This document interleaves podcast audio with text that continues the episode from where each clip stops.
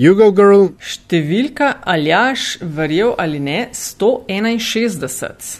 Lepa številka. Wow. Metin čaj, živijo zdravo. Um, podcast o medijih uh, z ljudmi, ki delajo v medijih, z njimi živijo in o njih razmišljajo in predvsem imajo kaj povedati. Gostitelja sva Nataša Briški, Metina Lista in Aljaš Pengov Bitenc, Radio Chaos. Aljaš, zdravo. Živijo. Sneg v Luksemburgu.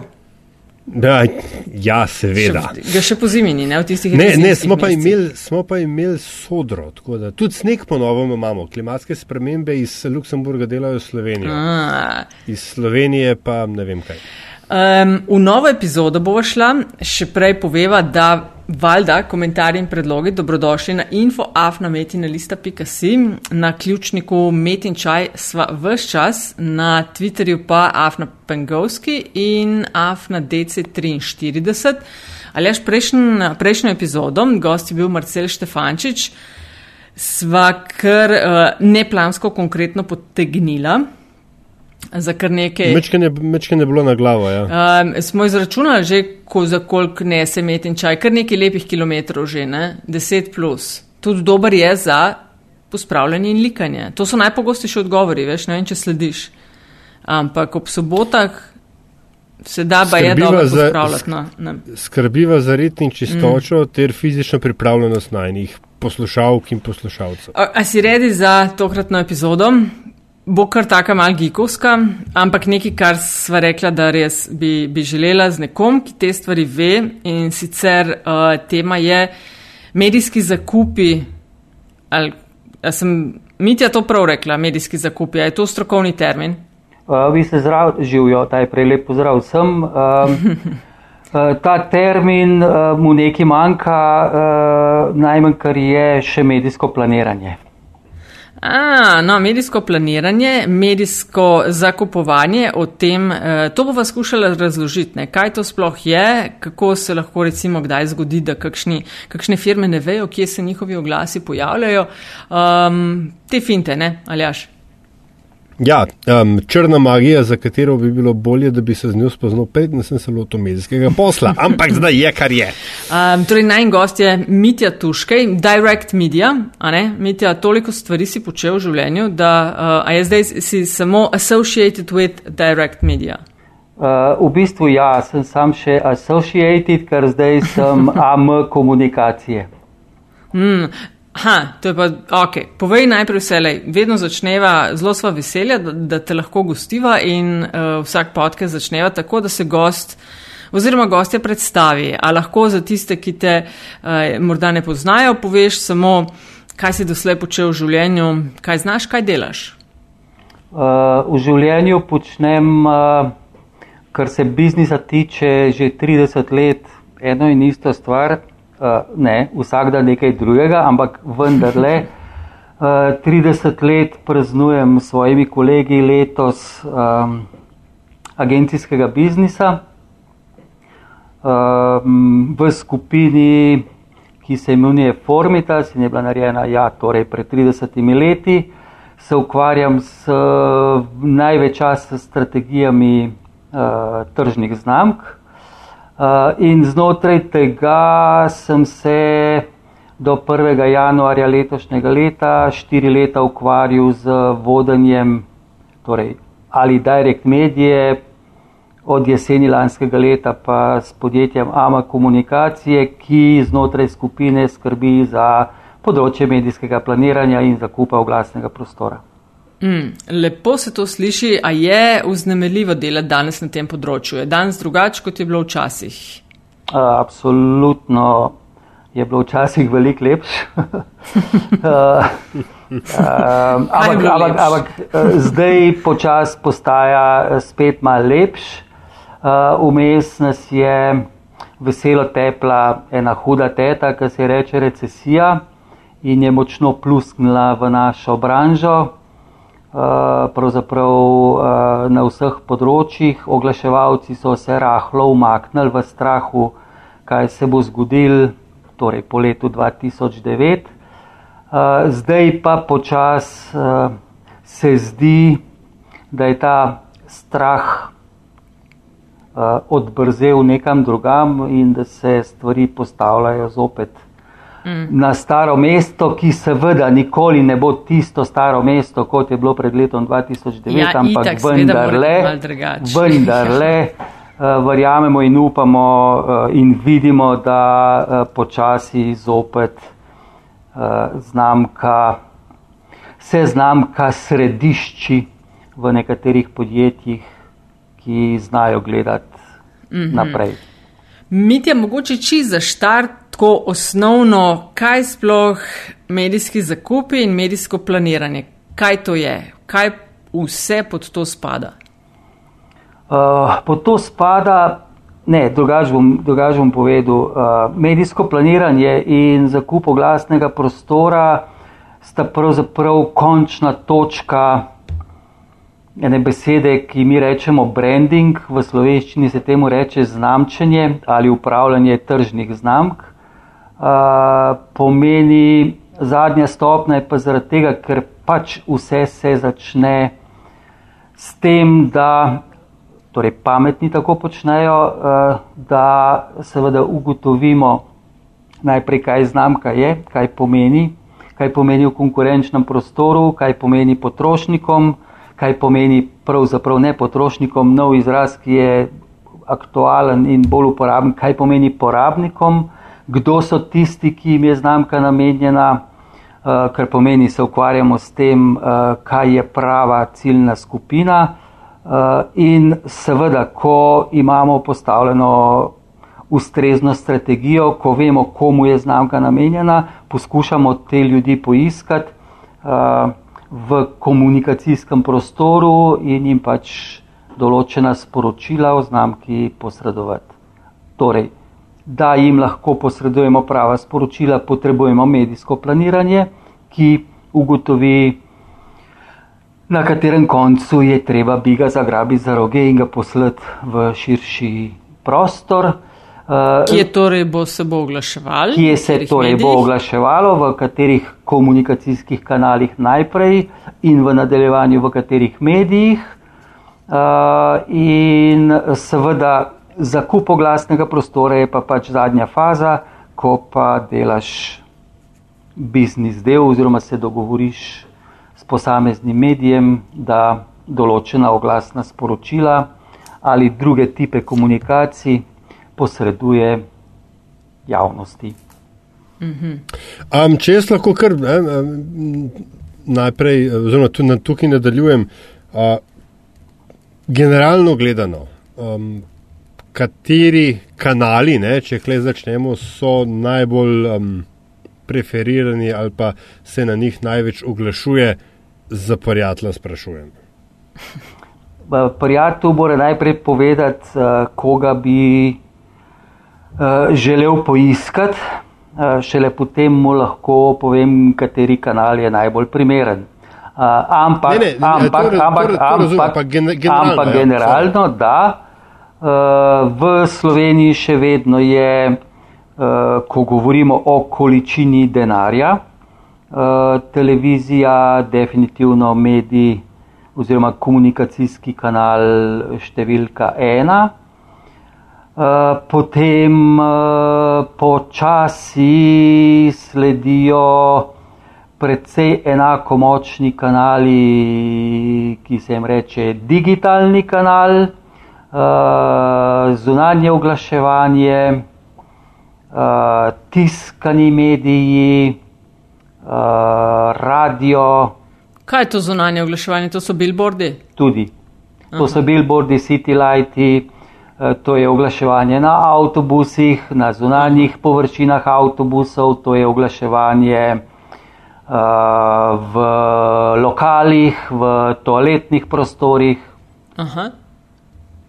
To je to. Um, ok, prijatelj je ful razočaran, ker je napačni branži dela. Um, ampak uh, to sem dve stvari zahotel v bistvu no, vprašati. Um, nek anekdotičen kaj je to, prikaz, karkoli. Um, neka avstralska veriga je prišla v Slovenijo pred leti in leti in so najprej dal ba je, ne, tako pravi zgodba, kup enega denarja v radijske oglase. In ni bilo efekta. Potem jim je pa nekdo iz lokalnega biznisa, slovenske, iz, tako generalno tvoje uh mhm. -huh. branže, ne, čeprav, rekel, um, Slovenci so nori na kataloge. A je to tudi nekaj, s čimer se vi ukvarjate, ali je mislim, del tvojega biznisa, ali je to drug, nek drug kanal, ki, ki ne spada direktno v medijski zakup? Uh, s katalogi verjetno uh, razumeš letake, ki jih dobimo v poštne nabiralnike. Ja, ja, tako, ja se upravičujem za, za slabo. V redu je, v redu je, sem te popravil, ni panike. Uh, na načelni ravni, pravzaprav ne bom rekel na načelni ravni, ampak s tem delom se ne ukvarjamo. V večini, mislim, da je kar, kar pravilo, Eh, te stvari počnejo, eh, počnejo podjetja sama eh, v dogovoru z pošto Slovenije oziroma verjetno obstaja še kakšen drug distributer letakov v poštne nabiralnike. Drugo vprašanje mi je pa seveda išlo iz glave ta hip ne, in uh, ga bom nekje vmes enkrat. O redu. Nataša, ja, ti karizi. Uh, se pravi, je en oglaševalec, pride do vas, pove, kakšen ima izdelek, vi imate podatke o medijskih brendih in na podlagi tega svetujete, kje naj uloži, kam naj investira denar v oglaševanju. A je to tako? Ne. Ok. No. Drugače, no. drugače Povej, eh, danes je iz, še enkrat, danes je izjemno pomembno, da vemo, komu je izdelek namenjen, eh, da vemo, kdo je temu izdelku ali pa znamki ključni konkurent, da spoznamo in vemo, kdo te izdelke ali konkurenčne ali tega novega eh, partnerja, ki pride k nam uporablja. Skratka, definitivno najbolj pomembno je, da najprej ugotovimo, kdo je prava in ključna ciljna skupina. Namreč od skupine do skupine, od življenjskega sloga do življenjskega sloga eh, so stvari vezane na medijsko potrošnjo izjemno, izjemno drugačne ja, in različne.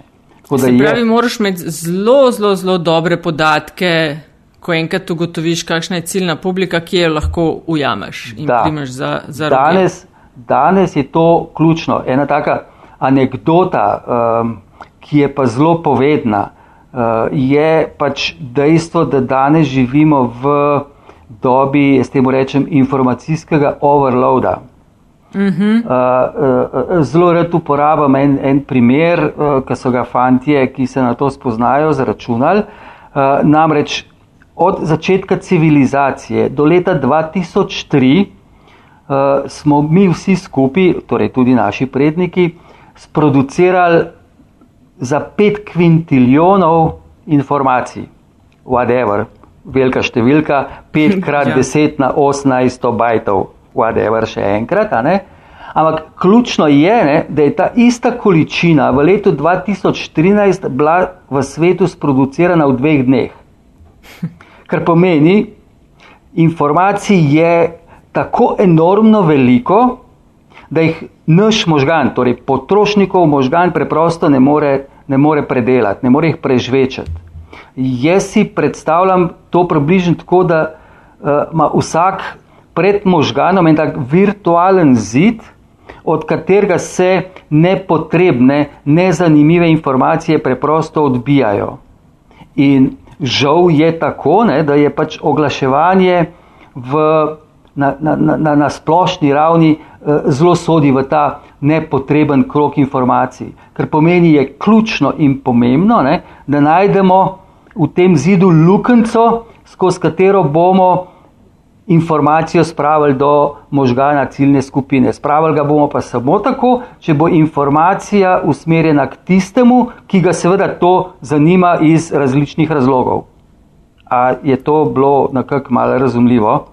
Ja, ja. Ja. Um, Klej si poskušam pol predstavljati, kako imate, um, če boš lahko recimo delil z nami te informacije, ko reče nekdo, ne vem, Pop TV, TV Slovenija, Delo, Večer, katerkoli časopis od teh, recimo, če se osredotočimo mediji, ne samo časopis, uh -huh. ne, mediji nam najbolj brane, gledane, poslušane.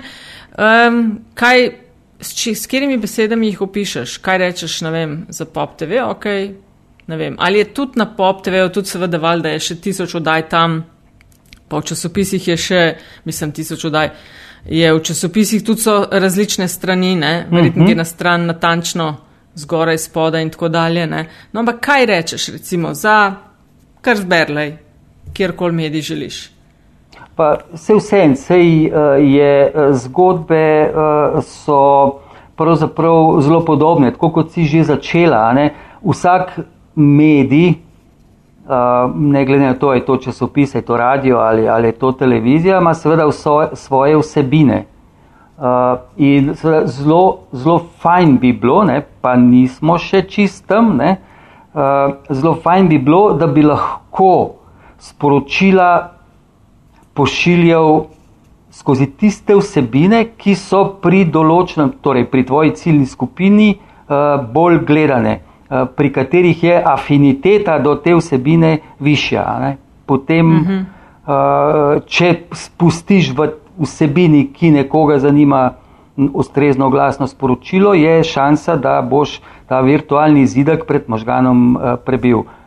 Za razliko od opcije, ki je seveda v uporabi zelo, da se pač raztrese po programu oglasna sporočila in se potem uh, uh, bolj kot ne upa, da, da to sporočilo zadane. Pade na plodna, pade na plodna tla. Recimo, kaj rečeš, kjer medij predlagaš ali pa oddajo, če nekdo pride pa reče, ok, to imamo izdelke, radi bi ga prodali, ne vem, naša ciljna publika so kaj za moške med 25 in 50 let. uh, ok, ok. Lahko okay. uh, malo posežem. Ja. Recimo, to je ena od ključnih napak. Je pri točno tem, kar si ti rekla. Ne, moja ciljna skupina so moški zdaj sem pa že pozabil, 25 do 50 15 let. do 50, naprimer, ja, pač, ja. uh, to je pač stvar, ki je pa se. Mi ne lovimo moških, ki so stari 25 do 50 let, ne, ampak lovimo, naprimer, da je vzeti eno znamko, da je recimo vzeti Volkswagen. Naprimer, uh -huh.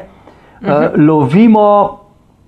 Uh, tisti del ljudi, ki ima visoko afiniteto do znamke Volkswagen pa lahko konkretiziram, to je nek tip, da so pretežno moški, eh, so japi, malce, če jih karikiram, so to tisti, ki delajo eh, najverjetneje v zavarovalništvu ali bančništvu.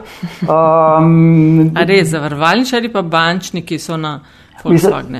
Čakaj, čakaj, ne šlo končano. Uh, tipi, tipi, recimo, ki so v svojem razmišljanju relativno konzervativni, ki ne marajo sprememb, um, nimajo radi prav hudih izzivov v lifeu.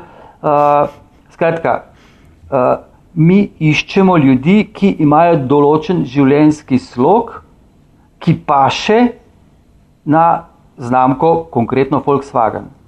Ko govorimo, naprimer, o drugi znamki, govorimo bodimo pri avtomobilih, ki jih je najlažje razumeti, pa vsi jih poznamo. Ko govorimo o Citroenu, definitivno lovimo demokratične družine, ki uh, so zaljubljene v dizajn, uh, po vsej verjetnosti so bolj svobodnih poklicev, uh, on in ona sta partnerja, uh, drug drugega podpirata, se razumeta. Skratka, na ta način poskušamo definirati ciljno skupino. Veš, mi te eno stvar, da moram vendar praviti. V naši družini ni demokracije, ne? vsaj kar se. Kar se do, Ti pač nisi tiče. od Citroena. Pol. Ne? Ja, sem se Ti si konzervativ, ti si pol Volkswagen. Ne, jaz Citroena vozim, oziroma ga vozimo doma. Ampak, ne, ampak uh, zanimivo, moram reči, da, je- da je kar strašljivo, ne, ker če bi, če bi rekel, da naj opišem uh, mojo družino, bi, jo, bi zelo velik tega, kar si ti zdaj povedal, bi jo na ta način opisal. Tako da sem v rahlem šoku. Ne. Eh, A, zato nočem- sem nočem- mogla no- ustaviti se. Ja, ja. si- Ja, ne. nočem pa vedeti, kako pol opisujete voznike BMW-jev. Eh, Tudi jaz nočem povedati. Daj, no. A, nekaj, Čakaj, eh, čakaj, čakaj. No. nekaj- Ne, mogoče kakšen stavek pa vsem. Ali ne? Zakaj pa ne? Da, da, da ne bomo o žmigovcih no? um, Mislim, in uporabi žmigovcev. Ne? Ok, zamujena Um, priložnost je, kle, če nočete ja. govoriti. Nekaj, ne, nekaj drugega. Um, v, pa me v bistvu zanima, kakšno, kakšen izziv je nekim, nekim ali ga si o tem, tem že povedal, to um, pri medijskem zakupu in targetiranju in vsem to, to, to predstavlja. Slovenske medije grejo tako ciklično skozi obdobja konsolidacije, pa fragmentacije, pa medijska krajanja se vsake tok mal spet uh, združuje, pa pol se fragmentira in če smo prej, uh, in to je tisto moje drugo vprašanje, ki mi je prej uš, ušlo iz glave, če gre večina tega um, sredstva, ne, denarja namenjenega oglaševanju še vedno v televizijo, kaj je za vaš posel naredil pojav um, teh nišnih TV kanalov, ki imajo nekako, kaj, kaj so to sinhronizirani oglasni bloki ali kakorkoli, ki, ki so na, ne, kaj, ne, neki, neki vsebine oglasnega bloka je skupne, globalne, tako rekoč, neki je pa za točno določen trg segmentirane. Kako ste se vi v vaši branži s tem spopadli? Eh, Čakaj, malo, eh, daj mi prosim. Uh, Le, recimo, ne, ja, recimo National Geographic, ja. ne, ki, je, ki ima milijon enih edicij. Če ga gledam vem, v Londonu, ni čist isti, kot če ga gledam, če ga gledam v Ja. Ljubljani. In oglasi, ki jih vidim v Ljubljani, so deloma namenjeni slovenskemu trgu, deloma vem, srpskemu, deloma vem, romunskemu. Ne. Nekaj teh oglasov je, je pa skupnih. In zdaj jaz si predstavljam, da je uh, firma, se pravi globalni National Geographic, nekoga angažiral na lokalnem trgu in mu rekel, zdaj pa ti media buying handle tukaj za me. Ne, ali, pa obr ali pa obratno. Ne.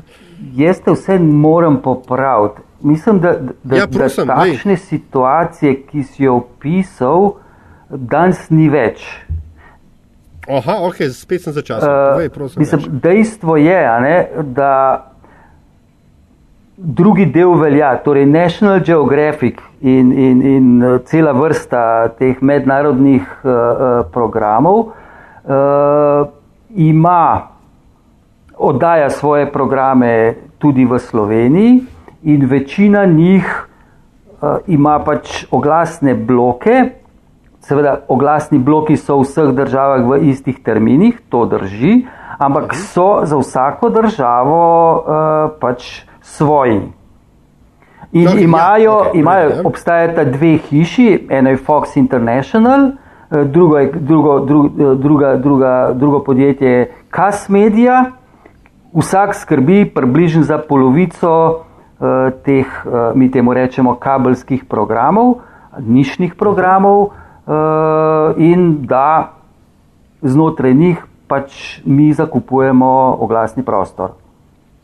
No, sej, evo, vidiš, ti- tu, tukaj bi se še le moje vprašanje, okay. pride, um, bi ga moral postaviti. Ne? Z vsem tem, z pojavom teh nišnih programov, ki so tako zelo očitno targetirani na to in ono populacijo, ali, ali pa ta in on uh, življenjski slog, uh -huh. ne, kot si rekel. Um, a je vaš posel zdaj lažji ali težji? Ne, seveda, eh, nam je bilo eh, bistveno lažje pred 25 leti, ko smo eh, imeli Slovenija 1, Slovenija 2, pa pole pršil Pop TV, pa A kanal, eh, kot danes. Danes je, danes je pač programska schema ali bogatstvo programov eh, praktično neizmerno.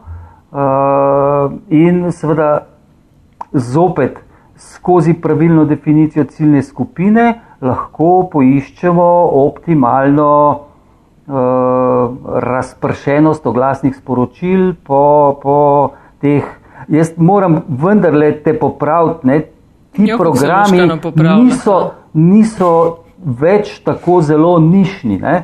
Uh, veš, če govorimo, ne vem, uh, imam v ozadju celo nekaj podatkov. Ne, ne vem, nek Fox Crime uh, gleda, je prejšnji, prejšnji teden gledalo 25% uh, slovencev v starosti 15 do 75 let. To tako malo ni. To je ogromno. Uh, recimo, za primerjavo, številka. uh, program TV Slovenija 1 je gledal pa 58% ljudi. Torej, Wow. Ja. niso več take razlike in ravno zaradi tega, zaradi te razpršenosti in množstva ponudbe je pač uh, uh, medijsko planiranje zahteven posel, ki jaz ga tako vidim, ni, pač ni kar tako. Je potrebno delati, da ugotoviš, kateri od programov ima pač ja, preprosto pri določeni ciljni skupini višjo afini- afiniteto in s kakšno kombinacijo programov prideš do optimalne, uh, optimalnega dosega pri neki, neki ciljni skupini. No, ampak mi ti je prej, ki si govoril, ne, um, da se ne dela več, o, iščemo moške od 25 do 50, ampak gre zdaj za, ne vem, tisti, ki Življenjski imajo slog, afinitete, reči, življenjski ja. slog, do, do, ki, ki si konkreten primer dal, ne, ki, ki so, ne vem, bolj konzervativni, ne tvegajo, bla, bla. Kaj, kje oddaje pol, recimo? Svetuješ. Uh, a ti zdaj pričakuješ, da bom jaz to na pamet vedel ali kaj? Uh, A jih je tok? ja. Okay. Če sp- če Če smrt govorimo, folk. če, govorimo, a veš, če, če govorimo o televizijah in govorimo o ne vem, 30 Ampak to imaš v nekih ki- razpredelnicah, verjetno, ne? to ne greš na roke. Pol delati. To imaš, ne vem, če je, iščemo konzervativno TRRM, hopla, teh 5, 10, 100, ne vem. Mislim, tukaj je ogromno, uh, mislim, ogromno. Tukaj obstajajo raziskave, ne, uh -huh. uh, v katerih, uh, ne vem, bom konkreten, ne, obstaja raziskava, ki se ji reče Target Group Index. Uh, raziskava, ki je narejena na velikem vzorcu, uh, je reprezentativna za celo populacijo in ima znotraj sebe ogromno podatkov, ki ti omogočajo, a, da definiraš ciljno skupino, in b, seveda, da znotraj ciljne skupine pogledaš, uh, kateri komunikacijski kanal, kateri medij je za to ciljno skupino najbolj primeren. Ok, Je, pa. skratka, Kar pove, ja. izdelava medijskega plana je, je pač stvar poglobljene matematike in statistike. Definitivno. Nič ne moreš danes početi več na pamet. Eni še to razumem, ampak ja. ne gre. Ja, ja, razumem. Okay. Okay. Pol pa dobiš, pol pa oni dajo, ne vem, tisk, ki bi želel oglaševati in reče, ne vem, takšno, tako veliko ali pa majhno kepo denarja imamo. Uh -huh. um, a je to pol čist samo na vas, kam, glede na te podatke, ki jih imate, kam to razporedite, ali oni sugerirajo, kam bi radi, pa jih morate pol prepričevati, da tam pa ni njihov target group, koliko ste vi tukaj prosti ali pa ne prosti. Uh, zelo odvisno, kdo je sogovornik na drugi strani. Uh, za nekatere uh, oglaševalce dobesedno nam toliko, nekateri oglaševalci nam dobesedno toliko zaupajo, da smo mi popolnoma svobodni v odločitvah. Svobodni v smislu, pripravimo predlog in ga damo v potrditev. In uh -huh. Seveda predhodno, predtem ne, eh, dogovorimo neke, neke ustrezne uh, proračune, ki so potrebni, čeprav, čeprav ne, če bi zdaj šli uh, zadeve, če bi imeli na voljo vse podatke, ki bi bili potrebni za to, da se določi uh, tudi proračun, bi tudi ta del lahko zelo natančno definirala. Ne v odvisnosti od konkurence, v odvisnosti od tega, kaj kdo investira, v odvisnosti od tega, kako je znamka že danes prepoznana, v odvisnosti od tega, kakšni so cilji. Skratka, tudi tukaj je uh, uh, matematika uh, na bazi nekih dobrih podatkov uh, seveda možna. Ampak taki, malo je takih primerov. No. Jaz držim pesti in se trudim, da bi poskušal uh, stroko pripeljati tako daleč, da bi te stvari se resnično tako, tako, tako uh, uh, počele in delale. Ne. Nismo še tam, ampak ja, računam na to, da bi do tega lahko prišli. Skratka, če se vrnem, v nekaterih primerih, primerih imamo možnost pristojnosti in odgovornost, da pač v celoti razporejamo budžete, eh, glede na to, kako je prav. Eh, seveda so pa tudi primeri, ko eh, vnaprej dobimo določene proračune, ko vnaprej dobimo želje, kje bi želeli oglašvati in seveda imamo možnost ugovora, imamo možnost predlagati, da pač menimo, da to ni najbolje, da bi bila boljš. Kako pa merijo pol, recimo, vaš učinkovitost vašega dela? Kako se to pol meri, koliko dobro ste razporedili? Ali se meri, ne vem, ali pol, ok, nekdo vam da pač za razporediti to, koliko veste, se je dosegel? Eh, pametni uh, pač zopet merijo oziroma vežejo ali pa merijo učinkovitost oglaševanja z na koncu koncev, da poenostavimo zadeve, prodajnimi in drugimi rezultati, uh, ki merijo uspešnost uh, znamke.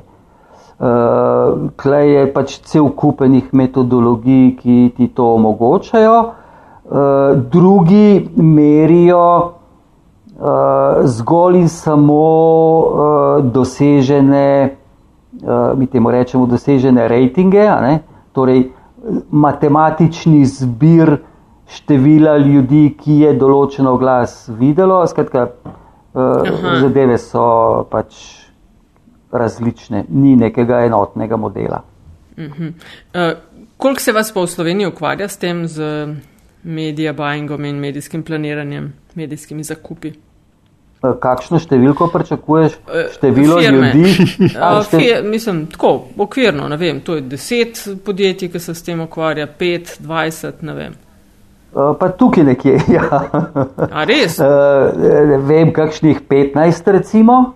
Uh mhm. -huh. S tem, da je pač organizacija nekoliko specifična, obstajajo trije, temu rečemo, medijski puli, Eh, ki znotraj sebe povezujejo in združujejo več agencij, eh, torej agencije v večini same opravljajo funkcijo medijskega planiranja, eh, zakup oglasnega prostora pa vodijo na načelni ravni tri, tri, tri večja podjetja, kar pa seveda ni pravilo, obstaja tudi po moji oceni tam nekje okrog 30% eh, celotnega eh, oglaševalskega denarja, ki gre pa eh, pravzaprav direktno v relaciji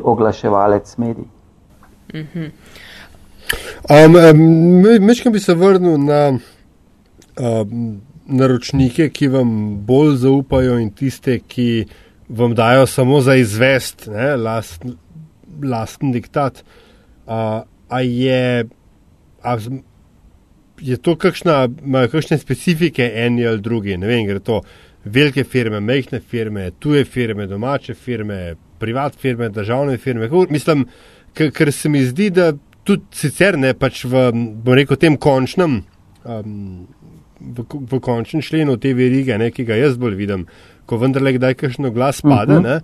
uh, imaš pač uh, naročnike, ki so uh, zadovoljni, ne? narejen, super, fino, fajn. Če je rezultat, se šli smo še, če ga pač ni, se ne slišmo več. Pa pač take, ki ti skozi hočejo pod prste gledati in ki ti vnaprej povejo, kje, kaj, kako, kaj mora biti spredje, kaj mora biti zadnji.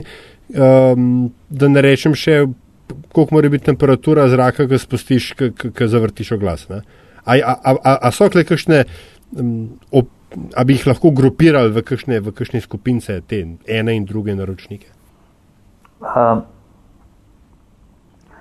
jaz moram reči, da sem rojen očitno pod srečno zvezdo, uh, ali pa boljš, uh, očitno delujem v, v podjetju, ki ima v večini uh, pametne naročnike. Uh, jaz bi lahko rekel, da so zelo redki primeri uh, pri naših oglaševalcih, pri naših partnerjih, da bi krmasto ustrajali na nekih svojih stališčih ali pa svojih željah.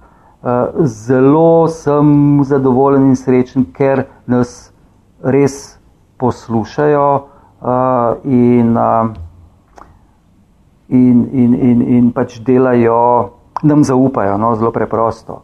Jaz mislim, da smo mogoče ena taka naša specifika. Ne, uh, mi delamo, naš največji naročnik je Špar Slovenija uh, in to 24 let. Takih ni prav veliko.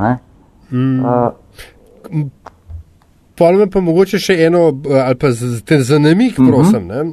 kaj, kaj narediš pa z naročnikom, ki je pa tečen?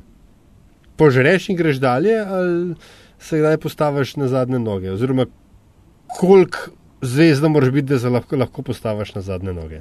V Sloveniji, seveda. Uh, mislim, jaz se pogosto, če je potrebno, postavim na zadnje noge tudi um, na račun tega, da bom uh, tazga, da je v narekovajih reč tečnega naročnika uh, ne delal oziroma zgubil. Uh, meni veliko pomeni, da pač tečem uh, po neki strokovni, ne samo meni, tudi mojim kolegom, ne, da, da, da tečemo po neki, neki uh, strokovni poti, ki stoji in za katero verjamemo, da je edina pravilna. Koliko je pa mitja? Eno vprašanje, ker smo pred časom je bilo precej vroče in še vedno je zaradi oglaševanja državnih podjetij uh, v medijih, ki širijo sovražne vsebine. Koliko je PR-a v medijskih zakupih? Torej, da se gre, da se ne dela samo ne vem, po strokovno, na podlagi podatkov, hočemo to doseči in, in to ciljno publiko, ampak koliko, če to sploh obstaja, ne, je tega, lej, pa še ta kupček denarja tja, že vemo zakaj. A to obstaja najprej. Jaz odgovor sicer vem, ne vem pa, kaj boš ti rekel. Mislim, po, po vsej verjetnosti ali pa. Um, tudi ta primer kaže na to, da najbrž to obstaja. Nisi v svoji karieri 30-letni nikoli tega doživel, da bi nekdo rekel, um, pa še temu mediju ali pa tukaj bomo oglaševali. Mi vsem, kakšne imajo razloge, ni pa, nima pa veze z tem, da dosegajo publiko, ki jo želijo s čim dosežeti. Uh, zdaj ne bom rekel, da tega nisem doživel. Eh, ni pa prav blazno pogost primer. Uh -huh. Spremljal si to um, afero, bom rekla, ker uh -huh. se je mhm. tudi eh, premije uh mhm. -huh. oglasil na to. K kakšno uh -huh. mnenje imaš o vsem tem? Kot strokovnjak. Uh, kot strokovnjak uh, imam uh, seveda dva uh, huda ugovora. Uh, en ugovor je, uh, bral sem, bral sem zagovore ali pa opravičila ali pa odgovore nekaterih podjetij na to temo. Uh, in en ugovor je bil, da pač uh, ciljajo vse slovence in skozi to pridejo tudi do medijev, ki uh, morda niso, ne sodijo med najpomembnejše.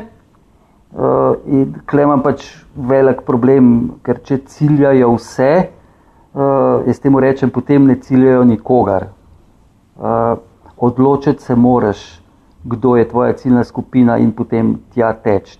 Prvi ugovor, drugi ugovor, uh, vedno bolj je pomembno ali pa ključno za pozicijo vsake znamke je, da deluje dajmo temu reči, družbeno odgovorno, oziroma da deluje v skladu z vrednotami, ki so hkrati tudi vrednote njene ciljne skupine. Zdaj, kle bi lahko na teoretični na, ravni uh, uh, morda z veliko truda našel ciljno skupino, ki, ji, ki je sovražni govor zapisan v gene. Ne? Hvala sreči je takih uh, relativno malo, kar pomeni tudi ta, ta zadeva ne stoji. Tako da posredno ne, si ta podjetja, ki so oglaševala v, v takšnih uh, medijih, delajo Eh, kako se temu reče, medvedjo uslugo, v bistvu škodijo sami sebi. Tukaj se zdaj, uh, predvsem, hvala za iskren odgovor, ne, ker je da, dan današnji, pa s tem v zvezi uh, tega res malo. Um, ampak si pa posredno odprl eno drugo temo in sicer, um, kako bi temu rekel, z, z lepo slovensko besedo, viability of advertising. Uh, pri tolk takšni količi, takšnem številu medijev, ki, ki obstajajo slovenske, v slovenski medijski krajini, um, takšnem številu TV kanalov, takšni količini radijskih programov, um, da o spletnih straneh in teh digitalnih produktih sploh ne govorim. A, a ni bolj enostavno oglašati na unih petih, ki imajo največji domet, pa čau, Miki? Ne, ker ni tako, ne? Ker, uh, Okay. Lahko ne, uh, uh, v mediju, ki ima na celotni populaciji, zdaj pa govorim na pamet, ne, uh, deset, deset odstoten doseg, ne, ima pri ciljni skupini X lahko tudi 80 uh, odstoten uh, uh, doseg. Skratka, ne moreš reči, mehen je mehen, mehen ima lahko pri določeni skupini ljudi izjemno visoko afiniteto.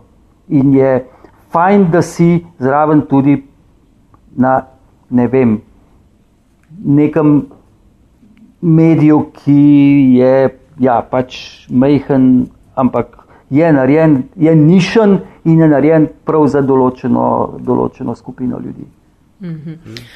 Se pravi, en, en, recimo en podcast, ki bi imel full zvesto publiko, ne, ki bi bila vem, digitalna. Je vsekakor dober ja. kanal ja. za pač določeno skupino ljudi in da veljalo bi tam biti zraven. Koliko se pa sploh oglaševanja seli recimo na digital, pa nas govorim. Za tujino berem, da predstavlja že celo več kot TV. Uh -huh. Pa nas to se mi zdi, da še ni tako, ali se motim. Ne, ne motim se.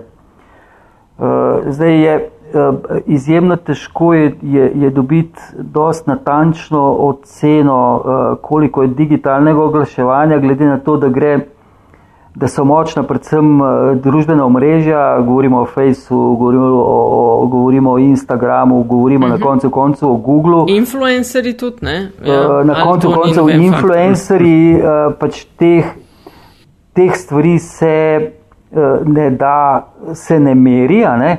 Uh, torej, zanes se moramo na podatke, ki jih vem, posamezni oglaševalci in agencije uh, poročajo inštituciji, ki se reče IAB, ki skrbi pač za digitalne kanale. Ampak kljub vsemu, uh, mislim, da smo Slovenci mali taki. Mali lažnivci, pa bi vsakrat povedal, koliko je močen, pa pol pretirava v teh številkah. Uh, moja ocena, moja ocena je pa, pač vezana na toliko in toliko let, let izkušenj, da je recimo delež oglaševanja na, na digitalnih eh, kanalih tam, ajmo reči, optimističnih 15-16 eh, odstotkov. Eh, kar je seveda v primerjavi s tem, um, kaj je vem, v, v Veliki Britaniji, kaj je v tujini, ja. kaj, kaj, kaj je v tujini, uh, seveda premalo. Mam seveda spet izkustveno opažam, da se je zadnje leto ali pa da se zadnje obdobje te stvari vendarle spreminjajo in da je dejstvo, da se vedno več Eh, sredstvo namenja oglaševanju eh, v, v, v digitalni sferi, da seveda ključno in pomembno eh, na, na, na družbenih omrežjih, influencerji so tudi tukaj pomemben, pomemben, pomemben element, ampak še vedno močno zaostajamo. za Evropo je pa logično, logično, na nek način je logično, ker pač govorimo o trendih in pač trendi potujejo na načelni ravni iz Amerike, skočijo na otok, tam vidijo Eh, če imajo perspektivo, preskočijo Evropo, pa, pa pridejo do Alp, se pa malo zataknejo, pa se težko čez plezajo eh, in malo dlje rabijo, da pridejo v, v Slovenijo. Ampak, ja. Ampak Mitja, a niste ravno vi, ti medijski strategi, zakupniki, planeri, tisti, ki lahko to spremljate, mislim, ki dirigirate na nek način to? Se k vam pride pač oglaševalc, ki je po denarja, vi pa na podlagi date na podlagi podatkov poveste, kam je. Uh, vi zavirate to ali ne? Uh, ne, mislim, mi ne, lahko da, lah, da, da kdo od mojih kolegov zavira, splošno, čeprav, ja, um, kaj pa vem. Uh, zadeva ni tako enoznačna in tako enostavna. Uh, namreč uh, oglaševanje na družbenih omrežjih nima pravega smisla, če podjetje na družbenih omrežjih ni prisotno oziroma ni aktivno. Uh, torej, če podjetje uh, nima prave vsebine, ki jo sporoča, ne vem, zdaj karikiram uh, preko uh, Instagramovih storijev ali pa preko, preko svojega Facebook profila, tudi nima realnega smisla, da, da uh, v teh kanalih pospešeno oglašuje. Ker pomeni, uh, problem uh, je večplasten. -huh. uh, najprej moramo razumeti, seveda, trudimo se, da bi dokazali, da pač eh, svet digitalnega je uh, svet, ki je tu, ki je, ki je aktiven, ki je dejaven, uh, je to svet, ki je pravzaprav edini, ki omogoča tisto ključno vključenost potrošnikov v znamko. Ampak pač to je, to je mal daljši proces uh, in ponovno bom rekel, eh, teta recesija nam v tem ni prav zelo pomagala, ker je pač vladala ena taka splošna panika. Um, ja, pipce so se vseeno zaprle. Verjetno, pipce so se zaprle, eh, vlado je strah. Eh, zgodbe znamk, ki so seveda ključne za dolgoročni uspeh znamk, so bile nekako mal pozabljene in skrite. Uh, Um, recesija je svojim repom um, nehala mahati v Evropi, ne vem, leta 2012, v Sloveniji je mahala še, še leta 2015, nismo bili čist ven. Uh, da, ampak, kot sem že prej rekel, mislim, da smo na pravi smeri in da se stvari počasi popravljajo, in uh, vedno več uh, jih je, in vedno bolj razumejo pomen. Um, v, kate, v katero smer pa se popravljajo? Um, re, na začetku smo rekli, da business as usual to še ni in izkušnje kažejo, da pač nikoli več ne bo. Ne? Kako je svet um, oglaševanja v medijih ali pa oglaševanja na splošno uh, 2019 drugačen od tistega 2627, ko se je pač zdelo, da, da je denarja preveč in da ga nikoli ne bo zmanjkalo? Uh, svet, je, svet je danes čist, čist drugačen. Uh, več razlogov je za to. En, en od razlogov je, kar sem že povedal, ne, uh, posledice, ki jih je naredila recesija, sigurno eh, en element, eh, drug element razvoj tehnologije eh, digitalnega sveta gotovo, tretji element vedno večja odprtost trgov in znotraj tega vedno, vedno večja konkurenčnost med podjetji. Pač vse to govori uprit temu, da bi bil čas in da je čas, ko je treba oglaševanje pelati uh, mogoče na popolnoma drugih osnovah, uh, kot se je to počel uh, v tistih zlatih časih pred letom 2008. Uh, potreben je bistveno večji, bistveno večja osredotočenost, bistveno večji fokus, uh, bistveno več je treba delati na, na zgodbi znamke, Eh, bistveno več je treba delati na vključenosti, vključenosti potrošnikov v znamko in tako naprej. In tako naprej. Uh, Mitja, ti si pred leti napisal eno zanimivo knjigo o komuniciranju znamk, brez frendov ni brendov, zdaj pa, če se ne motim, pa izdajaš novo ali si jo že izdal ne? in z, tudi z eh, odlomkom oziroma razdelkom o medijskem um, zakupih in planiranju. Uh -huh. Uh, že izdal, je že zunaj. Uh, imel sem že prvo predstavitev prejšnji teden, o bog, čez gre tako hiter, da ne vem, kjer dan. Ampak ja, prejšnji teden, eh, prejšnji teden je išla mi druga knjiga, uh, imel sem na, na Akademiji SOS uh, že prvo predavanje na temo. Uh, in naslov knjige je zelo zgovoren, naslov je Hokus Pokus Fokus uh, in pač govori ravno o tem, ne, čarovnija uspešne znamke je v popolnem fokusu uh, in sicer ta fokus mora biti na, na to, kar znamka je, na to, kar znamka pomeni potrošnikom in na to, kateri so tisti ključni potrošniki oziroma porabniki znamke, na katere je treba ciljati, kako jih poiščemo, kje jih najdemo uh, in seveda znotraj tega, na katere medije za neko skupino je treba jeti. Oziroma kako se celega procesa uh, uh, znamčenja lotiti v teh naših uh, popolnoma spremenjenih tržnih razmerah. Mm -hmm, ne vem, ali jaš, če si zasledil, ampak pred dnevi um, so objavili, um, kdo je najbolj zaupanja vreden medijski voditelj oziroma voditeljica in Slavko Bobovnik je šesti zapored izbran. Za... Misliš ali veš? Ja, je, to so že. Maja bojo samo še podelili uh, plakete ali karkoli. Audič je pa najbolj zaupanja vreden um, radijski voditelj. Kaj, zakaj zakaj se ja. ne smeješ, Mitja? Mislim, simpatično, simpatično mi je, da je Audič najbolj zaupanja vreden uh, radijski voditelj.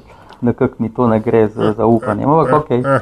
ja, ja, te podatke so dali ven. Ja, Bobovnik pa šest let zapored že, kralj. Uh -huh, uh -huh. Ja, lej. Če ne drugega, pa bo Nikolo zdaj prijatelj poklical. um, gremo na zanimivost. Prosim. Okay. Uh, Mitja, lepa hvala za vse povedano doslej, da mal bolj razumemo, kako to deluje uh, in da vidim, da je res ena taka mala jedrska znanost. Ne? Je, ne? Ja, je, ja. Ker ima pa pač ugrajeno uh, kompletno oglaševanje, ki bi moralo biti razumljeno kot mala jedrska znanost ali pa vsaj kot normalna znanost, uh, je pa žal uh, to ena taka, ena taka panoga, uh, kjer se vsi čutijo poklicani, da sodijo in um, vejo, kaj je prava stvar ja, in lej. kako jo početi. Ampak ok. Ja, to tako je, the name of the game. Um, lej, mi dva podcast uh, Met in Čaj vedno zaključiva s tem, da gost oziroma gostjo povprašava po neki zanimivosti, da z nama skratka deli uh, kakšen podatek, zgodbo, anegdoto, ki je lahko povezana s kariero, lahko tudi ne. Um, pa oceni, da gre za podatek, ki ga ne ve veliko ljudi, pa bi bilo fajn, da recimo slišijo za njega. Tako da izvoli. Kaj si nam ti pripravil? O, zdaj si me našla. Ne? Kako to misliš, našla? Po mailu sem ti poslala. Ja, seveda, ja. V, Ampak si bil zaseden, ne? ker si v informacijskem overloadu je pač. Ja, se vem. Um, se vem. um, deva, deva, mogoče mogoče uh, ostaniva, ostanimo na, na, na tej strokovni strani. Okay. Um, jaz sem blazno, blazno sem ponosen. Uh, Eh, ker smo eh, pred dnevi prejeli dve nagradi za eh, učinkovitost v oglaševanju. Uh, in sicer dobili smo zlatega EFI-ja za en projekt, bom povedal, kjer ga. Hkrati smo dobili pa še posebno nagrado za najboljšo uporabo uh, podatkov oziroma raziskav uh, v, v, v, pri, pri, pri projektu. Gre za projekt Štartaj Slovenija, eh, torej Šparov projekt, eh, ki je, se mi zdi, tako ena taka en, en fenomenalen projekt, ki pokaže, kako osredotočeno in fokusirano delo, ki vsebuje tudi elemente družbene odgovornosti, ki zna pravilno uh, opredeliti ciljno skupino in jo pač tudi zadet, da fenomenalne rezultate. Skratka, projekt Štarte Slovenija, sigurno ste ga zasledili, mislim, da so ga tudi poslušalci uh, opazili, ne, je v štartu imel nalogo, da vrne mlade potrošnike v šparove trgovine, da jih pač pokrade nazaj uh, Hofru in Lidlu. Uh, in zaradi kvalitetnega dela, dobrega projekta, pravilnega ciljanja, pravilnega ugotavljanja ključnih problemov mladih, um, pravilnega nagovora, so bili rezultati uh, neverjetni, fenomenalni in genialni.